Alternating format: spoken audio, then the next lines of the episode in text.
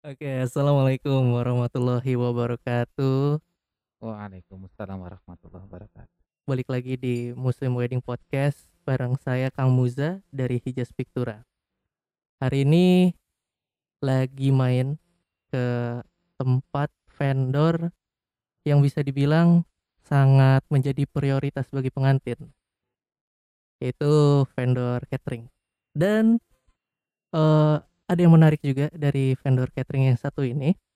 Karena begitu berdiri udah langsung bikin sertifikat halal halal ya? Halal. Oke. Hari ini lagi bareng eh, founder dari Daily Catering Pak Iwan. Assalamualaikum Pak. Waalaikumsalam warahmatullahi wabarakatuh. gimana kabarnya Pak? Alhamdulillah sehat baik. Sehat Eh, juga, sehat kan? Alhamdulillah Kalau enggak enggak ada di podcast kita. iya bener juga iya Pak Eh, jadi eh ini ya kita eh, langsung ngobrol soal eh, pernikahan Oke. eh pernikahan ini pasti erat dengan dunia catering. Ya. Nah, yang saya eh apa ya takjub gitu ketika pertama kenal sama Daily Catering ada eh, tulisan best halal catering dan ketika ngobrol itu memang setiap menunya sudah disertifikasi halal ya Pak. Iya. Nah, itu perjalanannya gimana sih Pak? Kan karena kalau ngobrolin tentang bisnis eh, dan kesuksesan orang-orang besar itu dimulai dari why. Nah, sekarang saya pengen tanya why halal catering gitu, Pak. Ya kenapa halal catering ya? Iya. Eh pertama kami melihat kan penduduk Indonesia ini kan memang mayoritas muslim. Muslim, oke. Ya kan? Jadi kalau kita ngelihat bisnis itu kan kita lihat market size kita kan. Hmm. Jadi market size kita adanya di mana nih? Ya, oh market size kita nih eh, penduduknya mayoritas muslim. Nah, apa yang menjadi eh, salah satu yang menjadi eh, prioritas ya dari market muslim ini? Ya tentunya kalau kita bicara wedding tadi udah disampaikan kan, salah satu komponennya itu ada makanan. Hmm. Nah karena muslim makanan itu sangat terkait erat, sangat terkait erat pada kondisi halal atau tidak halalnya produk itu Oke.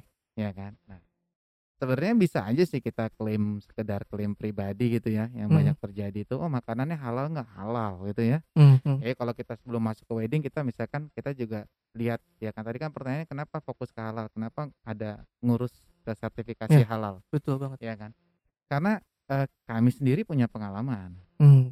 artinya misalkan kita lagi jajan nih di luar Oke. ya kan jajan di luar itu cenderung orang kalau lagi jajan di luar tuh kita tanya tuh ya Oh, halal nggak mas oh halal katanya ya kan Oke. itu bahkan kita banyak nemuin halal 100% gitu kan bahkan Hmm. kita atau kadang-kadang kita nu- nu- nemuin tulisan misalkan kita di kafe no lard no pork gitu kan gitu Mm-mm, tapi mm-mm. kan apakah itu berarti halal gitu kan kita harus nanya lebih lanjut lagi gitu loh Oke. karena pembentuk halal itu kan adalah bahan baku yang digunakan Hmm. jadi pernah kami makan di suatu tempat di luar saya tanya misalkan jajanan pinggir jalan aja ya misalkan gitu ya. Ada yang misalkan ini kita eh, salah satunya yang kita harus ini angcu zaman dulu tuh. Ya Hmm, angcu hmm. itu wangi.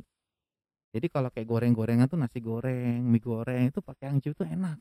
Hmm. wangi aromanya tuh. Tapi dia ada kandungan yang tidak halalnya di dalam angcu itu. Ya kan gitu. Jadi dia itu ada ada ada kandungan alkoholnya. Ya.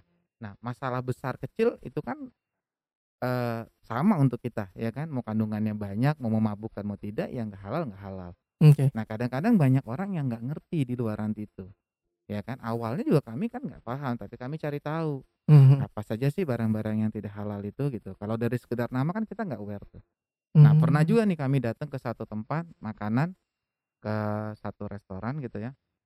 Kita tanya tulisan, kita tanya dulu nih panggil waitersnya. Kadang nggak ada label halalnya. Hmm. Mas, makanannya halal nggak? Oh, halal pak, Hmm, halal gitu. Mas, kalau makanannya yang ada teriyakinya pakai mirin nggak? Oh bentar pak ya, saya tanyain dulu. Tadi dia semangat banget tuh ngomongnya, halal katanya gitu kan. Hmm. Pas saya tanyain, pas pakai mirin nggak ya kalau makanan yang ngandung teriyaki? Oh bentar mas, saya tanya dulu, ya kan? Gitu. Pas dia tanya, "Oh, mohon maaf, Pak, pakai mirin," katanya. "Oh, berarti nggak halal makan yang ini, berarti saya harus pilih makanan yang lain."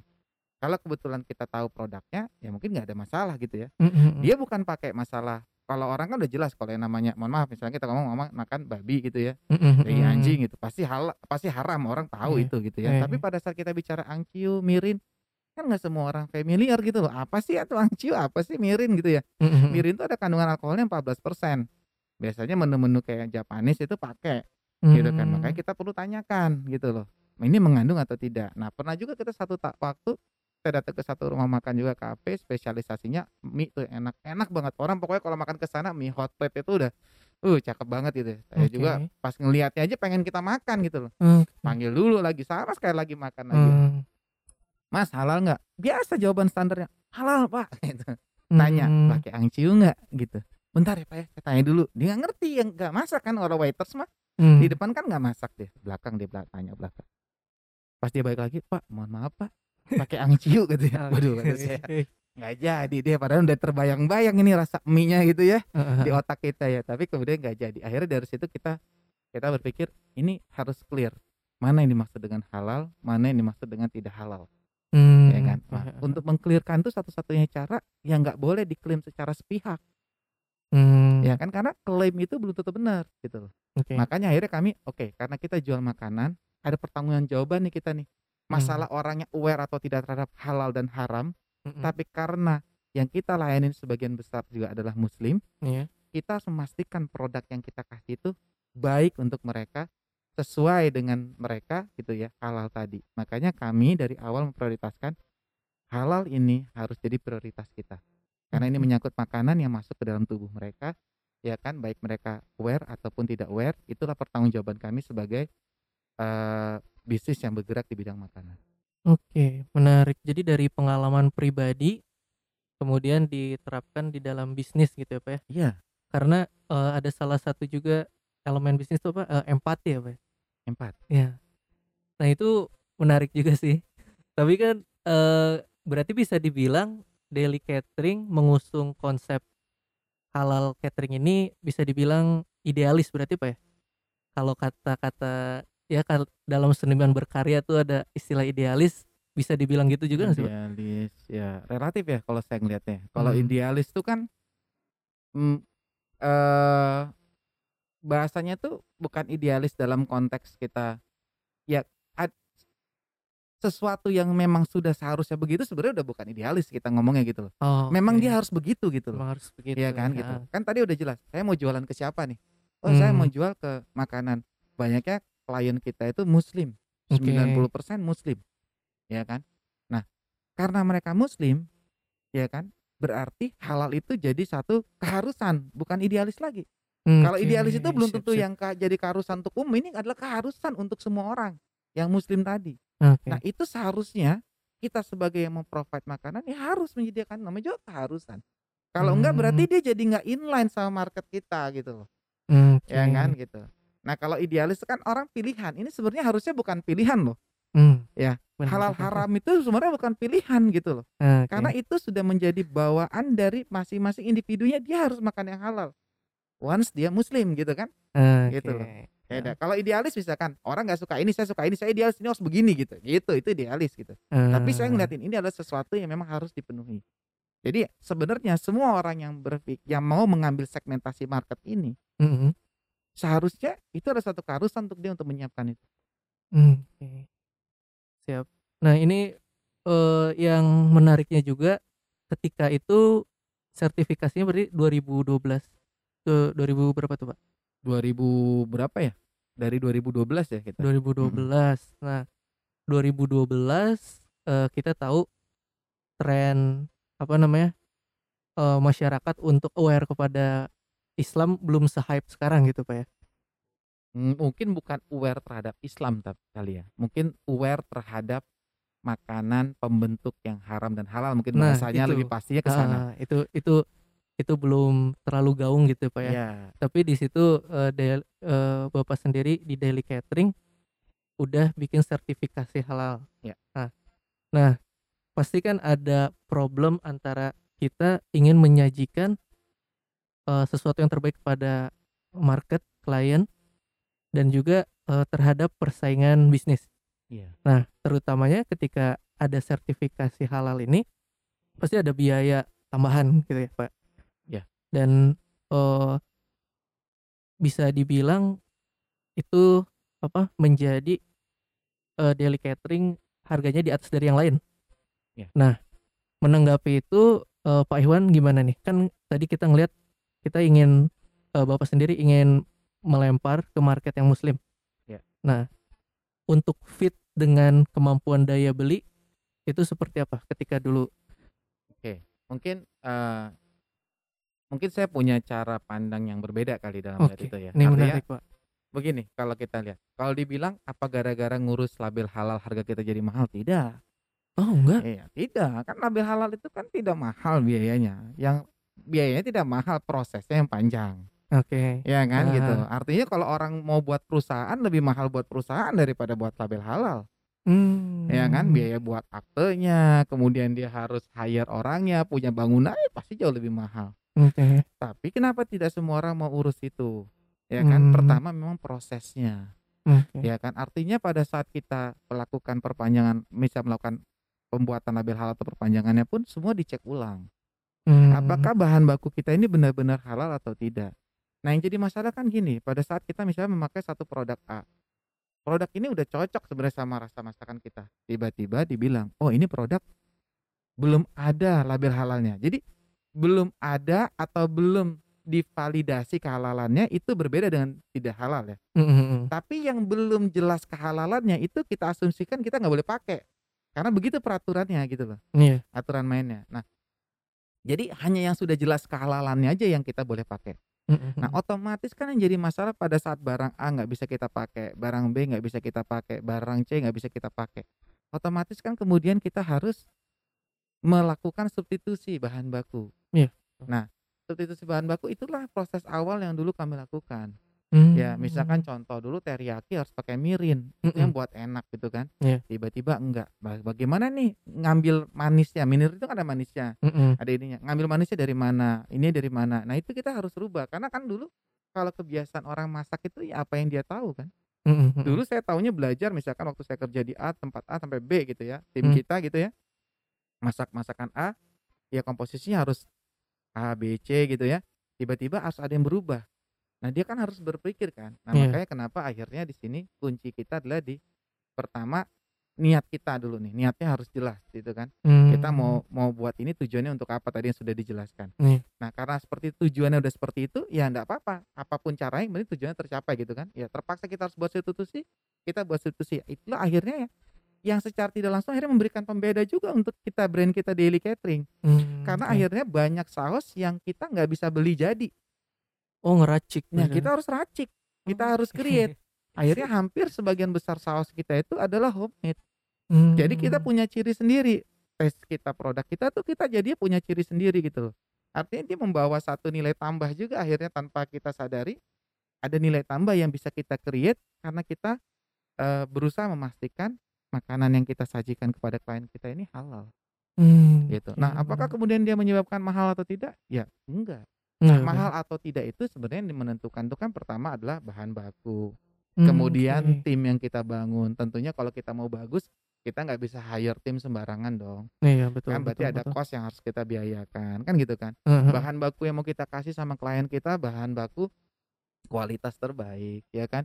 Kita nggak bisa ngambil daging asal murah, harus jelas kualitas dagingnya seperti apa. Hmm. Kita nggak bisa ngambil ayam cari yang asal murah, tapi kita harus tahu yang dari perusahaan-perusahaannya yang jelas secara produksinya sudah bisa kita yakini bahwasanya produk itu diproses dengan cara yang benar Ya, karena halal juga gitu ya. halal dan benar gitu Oh, kan iya, iya. gitu artinya benar ini proses itu tidak menurunkan kualitas dari produknya Hmm, dari mulai oke. dia misalkan kita ngomong daging aja misalnya dari mulai disembelih sampai dia di frozen itu salah stepnya kualitasnya bisa berubah Hmm. ya kan nah itu kami perhatikan makanya dalam pemilihan vendor juga kami sangat hati-hati ya Hmm, untuk hmm. mensuplai bahan baku kepada kami termasuk kita bisa ngomong sayuran ya kita bisa aja kalau mau sayuran yang murah ya misalnya mohon maaf ya misalkan Heeh. cabe kan nanti ujung-ujungnya juga digiling ya Oh, Gitu. oke. Nah kalau kita mau lihat tempat penggilingan cabai itu kalau ada yang seneng main dia lihat keliling nggak semuanya cabai fresh, ada yang dioplos oke, cabenya, iya, iya, iya. ada yang ini kalau udah jadi makanan toh nggak tahu kan, Iya, iya, gitu. iya. Tapi kan kami nggak melakukan itu gitu loh, ya Mhm. kan. Nah artinya dengan segala konsekuensi kita ingin memberikan yang terbaik untuk pelanggan kita, ya kan. Tentunya itu situlah yang mempengaruhi biaya. Makanya kami akhirnya terbentuklah satu market di kami. Oh dengan biaya ini market kita ada di middle up ya kan menengah Hmm, ke atas gitu. Tapi dalam harga yang masih sangat terjangkau karena kalau kita bandingkan juga dengan yang satu s- satu segmen dengan kami ya harga kami cukup affordable gitu artinya bisa bersaing ya. Jadi kesimpulannya apa? Mengurus label halal tidak membuat produk kita jadi mahal. Oh, Malah membuat tahu orang saya. jadi lebih terjamin Iya, ya kan? Ada garansi yang kita berikan sama orang, oh tenang Bu, jangan khawatir ya kan? Insya Allah kita jaga gitu loh ya Hmm. kan gitu orang kalau mau main ke tempat kami jelas produksi kami jelas ya kan makanya kenapa di kami itu fasilitas itu kami penuhi gitu loh Iya, sampai ada apa? eh frozen yang satu ruangan itu. ya kita sebutnya apa Oh, iya. freezer room atau walking freezer Iya, walking iya. freezer tuh artinya bukan freezer jalan-jalan kita bisa masuk ke dalam jalan-jalan dalam freezer Iya. ya kan masuk ke ruangan ya kan jadi ruangan pembeku nah ada lagi walking chiller ruangan pendingin Mm-mm. Nah, kalau udah di, di pada skala tertentu kita harus punya itu karena kan kita eh, yang namanya produksi itu kalau kita udah dalam jumlah besar nggak hari itu buat hari itu langsung kita potong-potong langsung masak enggak ada Iya. namanya preparation kita siapin. Nah, di waktu habis preparation barang-barang ini disimpan di mana? Ya di tempat yang seharusnya. Kalau dia harus Mhm. disimpan pendingin, pendingin. Kalau dia harus disimpan di freezer, simpan freezer. Makanya semua fasilitas kami sia- sediakan karena itulah yang dibutuhkan untuk kita bisa mendeliver produk yang baik kepada klien-klien kami. gitu. Iya, betul juga. Eh, terus juga eh, apa? eh, produk-produk substitusinya juga dibuat sendiri sehingga Dibuat sendiri. untuk eh, mem- apa? Menjaga itu ya, Pak ya. Iya, makanya eh kan kadang-kadang kita kalau kalaupun kita kita mastiin itu kan hampir 90% gubukan aja kita produksi sendiri, ya kan. Kalau di luar sana ada beberapa juga yang gubukan mungkin berkolaborasi sama orang banyak gitu ya. Mm-mm. Tapi kalau kita juga kalau pas berkolaborasi sama orang kita harus pastikan supplier kita benar-benar sudah menerapkan yang namanya produk halal.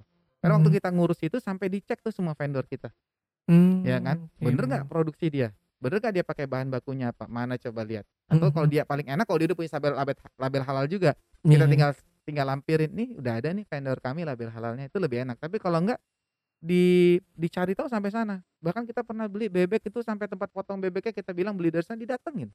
Hmm, Ya kan? Sampai sedetail itu gitu loh. Kalau kita memang mau melakukan prosesnya dengan cara yang benar gitu kan. iya. Nah, itu yang kami lakukan. Makanya kalau kami nggak terlalu khawatir klien mau lihat dapur kita silahkan mau lihat cara kita nyimpen barang-barang kita silahkan mau lihat Iya. bahan baku kita seperti itu karena kami memang buat itu sedemikian rupa karena itulah yang kita mau deliver ke mereka. Oh, kita tahu kita kan bergeraknya di wedding ya. Iya. Kalau wedding tuh kan nggak bisa orang pengennya kan ya yang perfect gitu loh, Mm-mm, yang betul. sempurna untuk acara dia. Nah kami coba yakinkan itu dengan makanan yang halal, dengan makanan yang diolah dengan yang baik, bagaimana itu bisa kita deliver ke mereka. Iya. Bener banget luar biasa.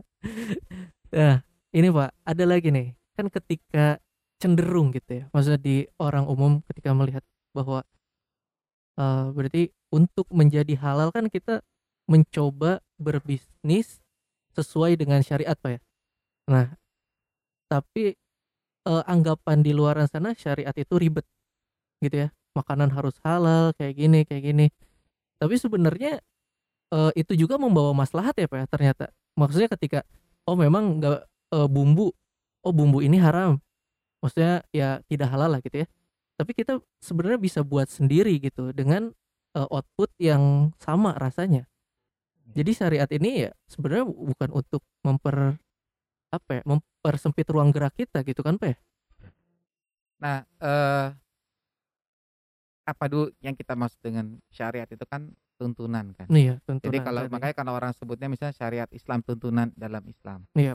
Ya kan. Nah, spesifik lagi tuntunan dalam Islam terkait apa? Terkait makanan misalkan. makanan kan. Ya kan. Nah, jangan lupa di dalam Islam itu nggak pernah cuma ngomong halal dia berdiri sendiri. Ya kan. Hmm. Dalam Islam itu selalu dia halal dan toyib makanan itu. Iya. Ya kan. Jadi yang diajarin Islam apa? Ya kalau kita ngikutin tadi konteksnya kita syariat, ya halal itu juga harus toyib. Halal belum tentu toyib. Toyib itu kan baik. Baik. Baik itu baik untuk kesehatan kita, baik untuk Mm-mm. tubuh kita, gitu kan? Oke, Gitu. itu itu. Ya nggak. Ada juga makanan yang halal dia nggak nggak toyib gitu kan Iya. tapi enak gitu Mhm. tapi digemari orang banyak ya kan gitu karena generasi micin itu kan micin semua ya kan toyib nggak ya Mhm. micin ya sekarang kita kalau mau tanya micin itu bahan bakunya kimia atau natural ya kita nggak tahu kan mungkin ada yang natural mungkin tapi banyaknya mungkin chemical kan gitu kimia gitu iya, kan. iya. gitu buatan gitu. Tapi enak gitu loh. Yap. ya kan gitu. Nah nah kalau kita konteksnya syariat kita nggak boleh cuma sekedar enak tapi dia juga harus toyib. Hmm. gitu ya kan gitu. Enak banyak gitu loh. Tapi toyib. Nah jadi sebenarnya kalau orang ngikutin syariat sebenarnya dia sedang menjaga tubuhnya. Hmm. Ya kan gitu kalau kita Oke. lihat sekarang kan penyakit banyak banget ya gitu ya kalau kalau bukan berarti orang nggak mungkin kena sakit tapi menjaga itu lebih baik daripada mengobati Nah dengan kita menjaga makanan yang toyib yang kemudian dia halal itu kita ngejaga gitu loh. Karena tentunya pasti ada alasan baik kenapa makanan itu sampai diharamkan tidak boleh makan untuk kita. Ya kan? Toh yang halal banyak. Banyak ternyata pak ya Iya, banyak banget gitu. Semua yang ada di laut itu halal.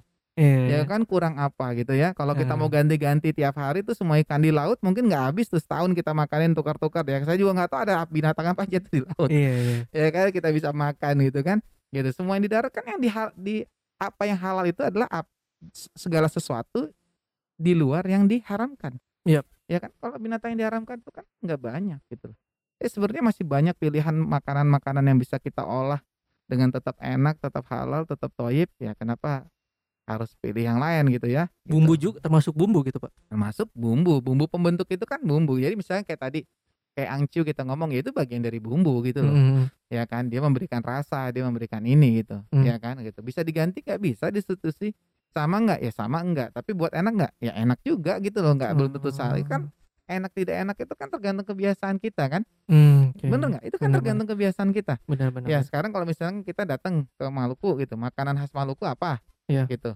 ya kan? Gitu ada apa pepeda apa papeda gitu ya ininya. Orang sana yang makan dari dari dari dari terigu ya atau apa bahan bakunya.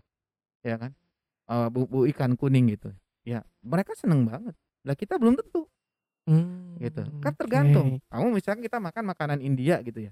India ya. Iya. ya ada yang sedang makan India saya juga. Tapi nggak semua makanan India kita cocok gitu kan. Iya. gitu. Tapi mereka cocok.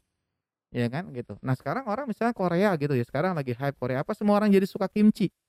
Ya enggak juga. Hmm. ya kan? Gitu ya seininya orang Korea ya juga yang nggak suka kimchi tetap aja dia nggak suka kimchi tapi kimchi itu jadi salah satu makanan standarnya Korea gitu kan Iya, iya. nah, istilahnya mah asinannya kita kali gitu ya Oh, ya. kalau kimchi Iya, itu kan, benar-benar. ya kan? asinan kita nah kalau saya disuruh milih asinan kita apa kimchi saya asinan gitu Iya. karena lidah saya terbentuk oleh asinan lidah saya terbentuk oleh makanan-makanan yang memang selama ini memang kita konsumsi ya kan jadi Oke. sebenarnya enak tidak enak itu relatif tergantung kebiasaan kita Hmm. ya kan itu kan apa yang ada dalam pikiran kita kan walaupun kita akhirnya punya satu standar yang enak itu begini loh Hmm. ya kan tapi setelah kita mencobanya jadi kalau kita ngomong enaknya cake sama enaknya rendang beda nggak ya beda Beda. kalau orang nggak pernah nyoba makanan itu tentunya jadi terasa aneh kan sama dia tapi pada saat orang sama-sama nyoba rendang orang tahu rendang yang enak tuh yang bagaimana gitu kan Iya, iya. jadi iya. harus dibentuk dulu jadi itu saya kembali- kembalikan lagi bahwasanya eh kalau kita membuat makanan yang halal toyib itu ya insya Allah baik untuk kita Hmm, nah, Gitu. menarik Ny- nyambung ke acara pengantin pak. Eh saya kan kalau dokumentasiin tuh sering mintain testimoni gitu pak. ya. Pasti doa yang selalu kita dengar tuh semoga menjadi sakinah mawadah warohmah gitu. Iya. Nah di situ saya sih ngelihatnya bahwa peran vendor juga penting gitu pak. Terutama eh, tadi catering juga menurut saya sih. Jadi ketika menyajikan makanan yang halal secara secara tidak langsung kita berkontribusi untuk eh, me- apa ya, mensukseskan impian para pengantin gitu. Dengan menjadi sakinah mawadah warohmah gitu ya. Karena ya menghidangkan eh, makanan yang baik yang toyib gitu ya. Dan eh, sangat mulia sekali kan ketika kita menjamu tamu gitu kan tamu undangan kan adalah tamu juga memuliakan dengan makanan terbaik sih pak sempat kepikir ke situ juga pak ya Iya. s- poinnya sebenarnya sama kan yang Iya. tadi kita sampaikan di awal karena target market kita muslim, kan doa itu kan untuk yang target marketnya muslim kan? Yap. Gitu kan. Itu artinya 90% penduduk Indonesia muslim. Ya kalau kita ngomong bisnis secara umum nih, kamu harus hitung market size. Mhm. Habis kamu hitung market size, kita harus hitung market share kita berapa gitu kan. Mhm. Nah, kita mau ngambil market size itu yang besar lah tentunya bisnis gitu kan. Yap. Bukan mau ngambil yang kecil gitu kan gitu. Nah, kalau kita ngambil yang besar ya sudah, atur udah jadi market size bisnis kita arahnya ke sana. Nah, kan ko- konteks doa tadi semoga mawadah warahmah gitu kan. Itu kan khususnya kan kepada market muslim kan. Yap. Ya enggak gitu. Nah, sekarang kenapa jadi inline gitu? Apakah itu termasuk apa yang kita pikirkan dari awal? Nah, pada dasarnya pada saat kita menyediakan apa yang memang menjadi keharusan yang harusnya kita sediakan, itu Hmm. udah, udah, udah- udah otomatis semuanya sudah tercover di situ gitu loh. Mhm. Baik kita sadari atau tidak kita sadari, baik kita niatkan atau tidak kita niatkan, semuanya pasti ada di sana Mhm. gitu. Dan yang kami yakini adalah begini. Apa yang kita makan itu yang membentuk diri kita, Iya. ya kan? Benar. Karena yang jadi daging kan bukan apa yang kita lihat kan? Mhm. Pernah lihat sesuatu kemudian badan kita nambah gemuk? Enggak kan? Enggak. Enggak ada. ya kan? Iya, iya. Apa yang kita dengar, apa yang kita cium aromanya, apa yang kita kita lihat itu tidak akan menjadi daging dalam diri kita. Mhm. Tapi apa yang kita konsumsi itu yang menjadi dalam diri kita. Iya. Nah, jadi kalau di dalam muslim itu, dalam Islam itu, ya kan, apa yang kita konsumsi itu yang mendatangkan jadi daging dalam diri kita. Yang membentuk tubuh kita, yang bentuk. Nah, once nanti yang membentuk tubuh kita ada yang halal. Nah, kalau kita memakan yang halal, nah semoga mudah-mudahan insya Allah ya kan eh, yang lain jadi kayak prasyarat gitu loh. Ya, enggak. Mhm. Kalau kamu mau mau jalan jauh, ya kan, Mhm. mau nggak ada masalah mobilnya, masalah nanti toto di jalan ada lobang kena itu lain cerita ya. Yap. Tapi kan mobilnya ini kalau mulus semuanya mobil jalan, apa kita perhati- perhatikan? Pertama, olinya harus bagus, ya kan, harus diganti. Bannya juga jangan yang gundul gitu kan. Mhm. Artinya pembentuknya itu harus bener dulu gitu loh. Mhm. Nah itu yang kita yakinin tubuh itu pembentuknya harus benar dulu. Salah satu pembentuk tubuh itu apa? Makanannya harus benar dulu. Iya. Ya kenapa? Apa pun orang, orang yang mau fitness pasti yang diperhatiin apa? Makanannya Iya. harus sesuai untuk dia fitness kan? Iya, iya. Gitu. Mau fitness makannya apa? Semuanya Oke, jeroan oke. gitu ya, nggak nggak nggak jalan gitu kan? Gitu. Dia mau olahraga pasti ada ketentuannya orang-orang yang badannya dia bagus, dia terbentuk pasti ada pola makan yang dia jaga, dia atur.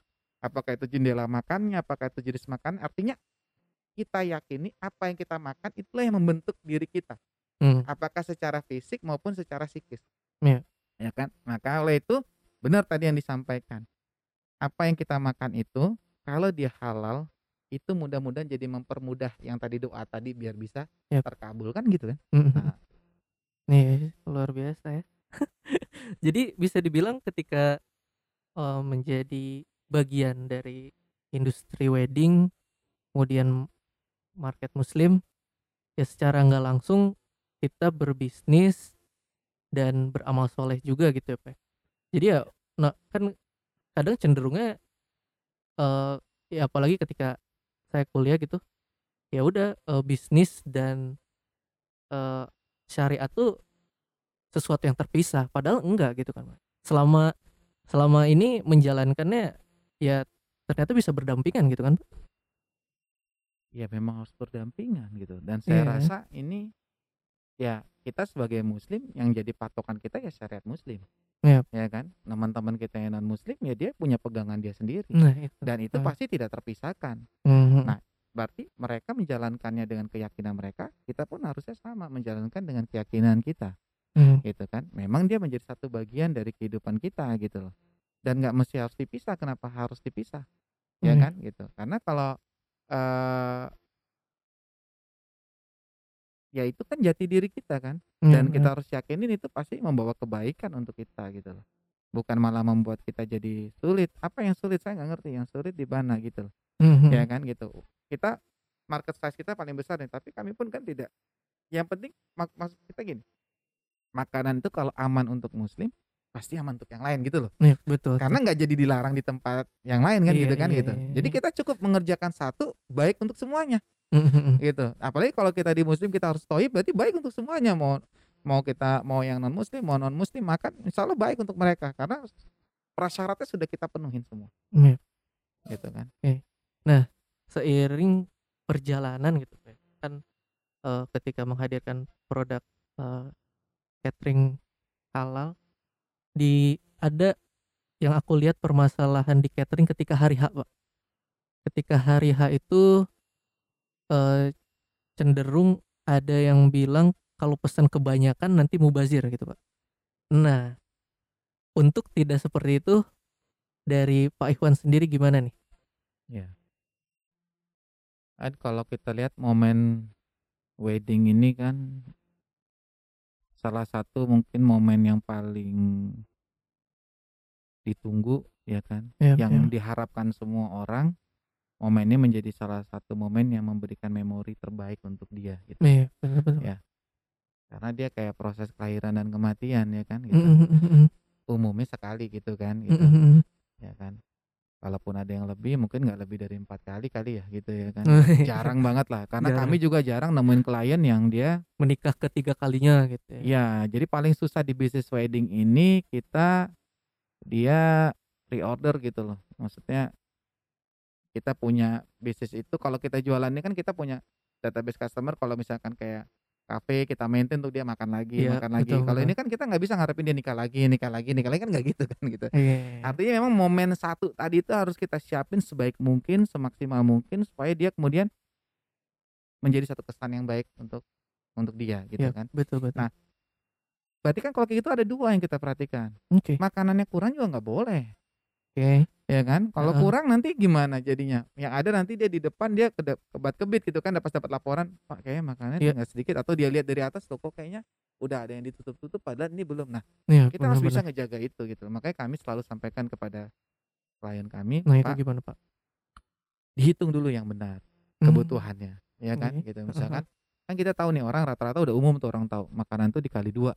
Yap. Nah kali dua itu kan sebenarnya sudah menghitung yang tidak hadir, sudah menghitung yang tidak yang datangnya cuma sendiri, ya kan? Sudah menghitung yang datangnya berdua, sudah Mhm. menghitung yang datangnya bertiga, kan begitu kan? Betul. Artinya dua itu udah kita ambil rata-rata, Mhm. ya kan? Nah kecuali keluarga yang kami minta untuk tidak menghitung rata-rata. Kenapa? Karena keluarga itu kedekatan emosionalnya besar, tinggi, sehingga mereka cenderungnya ya kalau bawa anak ya dibawa gitu beda kan kalau kita datang undangannya umum gitu tapi kalau keluarga yang datang dia misalkan adik ayahnya yang lagi nikah gitu kan dia Hmm. kemungkinan besar bawa anaknya itu dihitung yang benar nah Hmm, setelah dihitung yang benar kami punya perhitungan komposisi tersendiri kan oh nggak perlu buffetnya harus full kan ada kombinasi gubukan ada Iya. yang perbandingannya 70 30 ada yang perbandingannya 60 40 mungkin ada juga yang 50 50 kita lihat situasinya acaranya malam atau bukan gitu kan Nah itu banyak hal lah yang kita kita bisa sampaikan kepada kepada klien gitu. Nah kita mengantisipasi pada saat tamunya datang full makanannya cukup.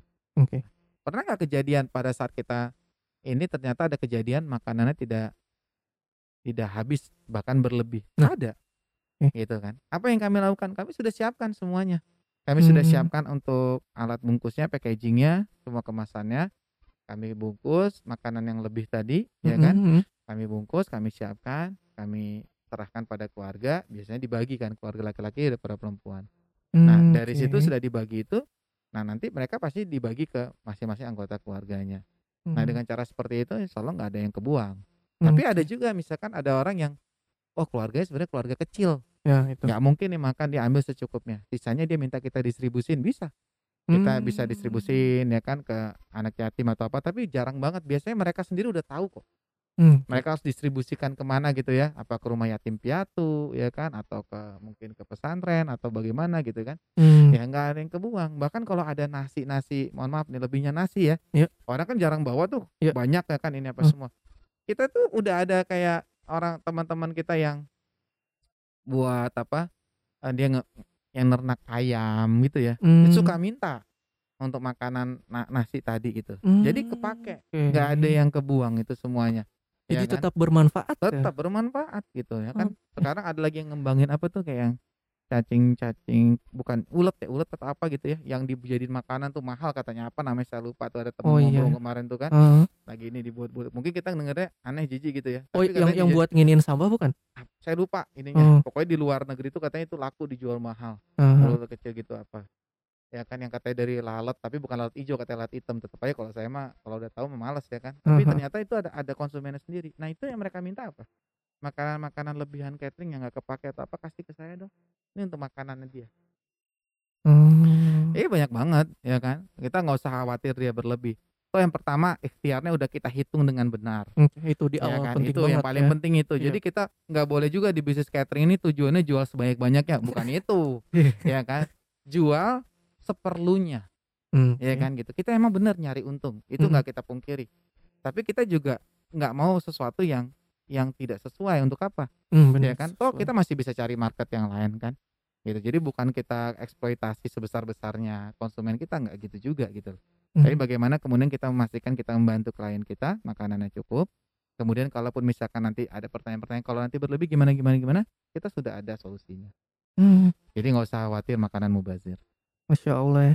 Jadi emang value dari hulu ke hilir sudah di apa ya, sudah dirancang dengan baik gitu Pak ya.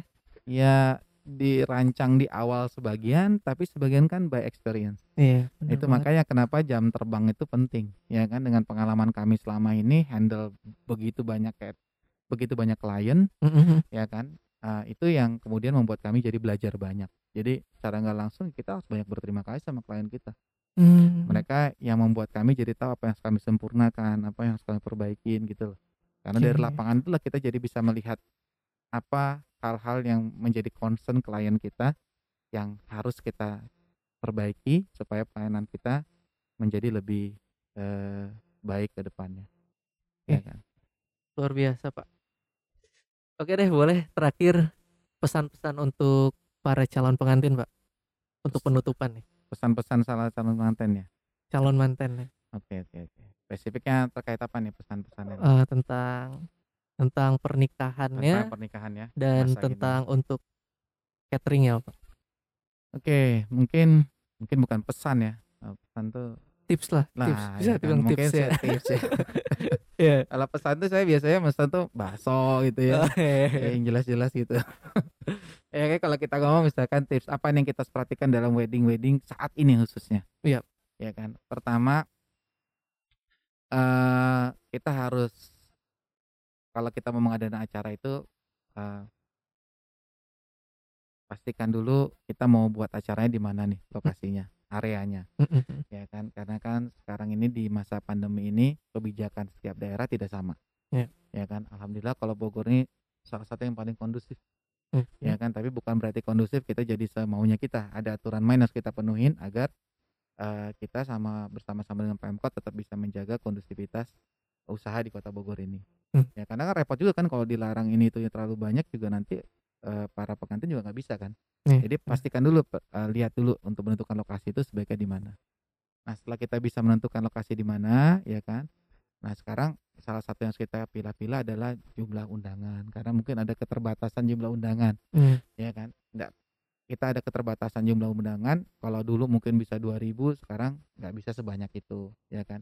Walaupun sekarang sudah meningkat ya, Mhm mhm. artinya sudah cukup banyak tapi tidak sebanyak itu tentunya dengan pelaksanaan protokol kesehatan yang baik, yang tepat, ya kan. Nah makanya nanti tips yang ketiganya, hati-hati atau perhatikan baik-baik vendor yang kita pilih.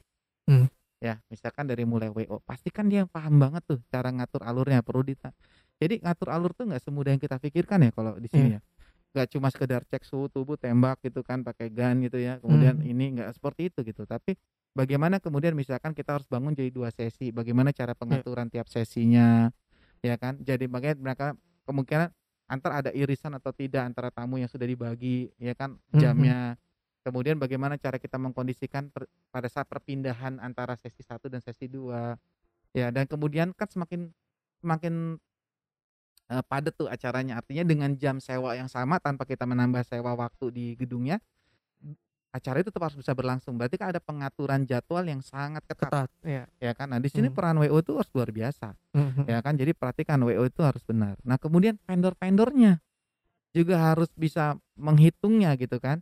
Gitu, artinya kebutuhan makanan di awal berapa yang harus disajikan, di depan, di belakang seperti apa pengaturannya. Jadi, eee, dan vendor-vendor ini harus paham protokol kesehatan. Walaupun WO-nya bagus, kalau vendor-vendornya kemudian nggak bisa diajak kerjasama atau tidak tahu juga mungkin jadi kesulitan tersendiri. Mmm. Jadi yang paling aman pilih vendor-vendor yang paham juga. Misalnya contoh kalau kami di catering. Kami di catering itu, eee, cuma ada dua alternatif pelayanan itu. Pertama, orang dikasih sarung tangan, dia ambil sendiri kan tentunya dia akan megang alat makannya kan. Iya. Setelah selesai dia pegang alat makan itu berarti kan nggak bersentuhan semua lewat sarung tangan, sarung tangannya dikeluarin, Mhm. lalu dia tinggal makan pakai tangan dia. Hmm. Ya kan artinya pakai piring sendok lagi, pakai garpu lagi tapi waktu dia ngambil alat makannya tadi aja cukup pakai tangan. Yang kedua, diservis dilayanin. Hmm, Ya dari belakang, ya kan gitu diservis dilayanin. Bahkan kami untuk beberapa titik-titik tertentu kami kasih akrilik untuk pembatas kalau yang dia kita layanin gitu Ya. supaya uh, lebih aman ya kan secara ininya. Kemudian uh, dari sisi catering juga kita kasih pembatas pagar biasanya. Kita kasih flow-nya karena udah kita layanin pun kalau flow-nya berantakan akhirnya terjadi pengumpulan massa lagi gitu ya. Istilahnya jadi orang berkerumun gitu istilah kita kan. Mhm. Nah, itu kan harus kita atur, harus ada markingnya, harus ada ininya gitu ya. Memang jadi extra effort untuk kita, tapi kalau itu memang demi kebaikan pelanggan kita, demi kebaikan kita bersama ya kan, ya harus kita lakukan. Makanya pemilihan vendor ini penting, ya kan. Nah, nanti dari pemilihan vendor ya kan udah protokol tadi udah kita bisa ini yang paham protokol kesehatan ya kan, kita udah tentukan gedungnya ya kan. Ya tinggal yang lain-lainnya nanti eh, bisa diskusi lah sama vendor-vendor itu yang untuk detail-detailnya. Makanya kenapa tadi poin tiga pemilihan vendor itu paling penting. Karena vendor itu harus yang bisa memberikan masukan yang terbaik untuk saat ini seperti apa. Ya kan? Nah, itu aja sih. Mungkin cukup itu. Nanti kalau tipsnya panjang banget, panjang kita nih. Iya, siap, Banyak sebenarnya harus kita siapin kan. Iya, luar Gitu. biasa. Oke, Pak. Terima kasih untuk eh, waktunya. Siap, sama-sama. Terima kasih banyak. Ya, mudah-mudahan bisa bermanfaat untuk teman-teman yang mendengarkan. Amin, amin. Amin. Ya Rabbal Alamin. Oke, teman-teman. eh, kali ini Muslim Wedding Podcast bersama Daily Catering sudah selesai. Semoga teman-teman bisa mendapatkan manfaat dari obrolan singkat kita ini. Wassalamualaikum warahmatullahi wabarakatuh. Waalaikumsalam.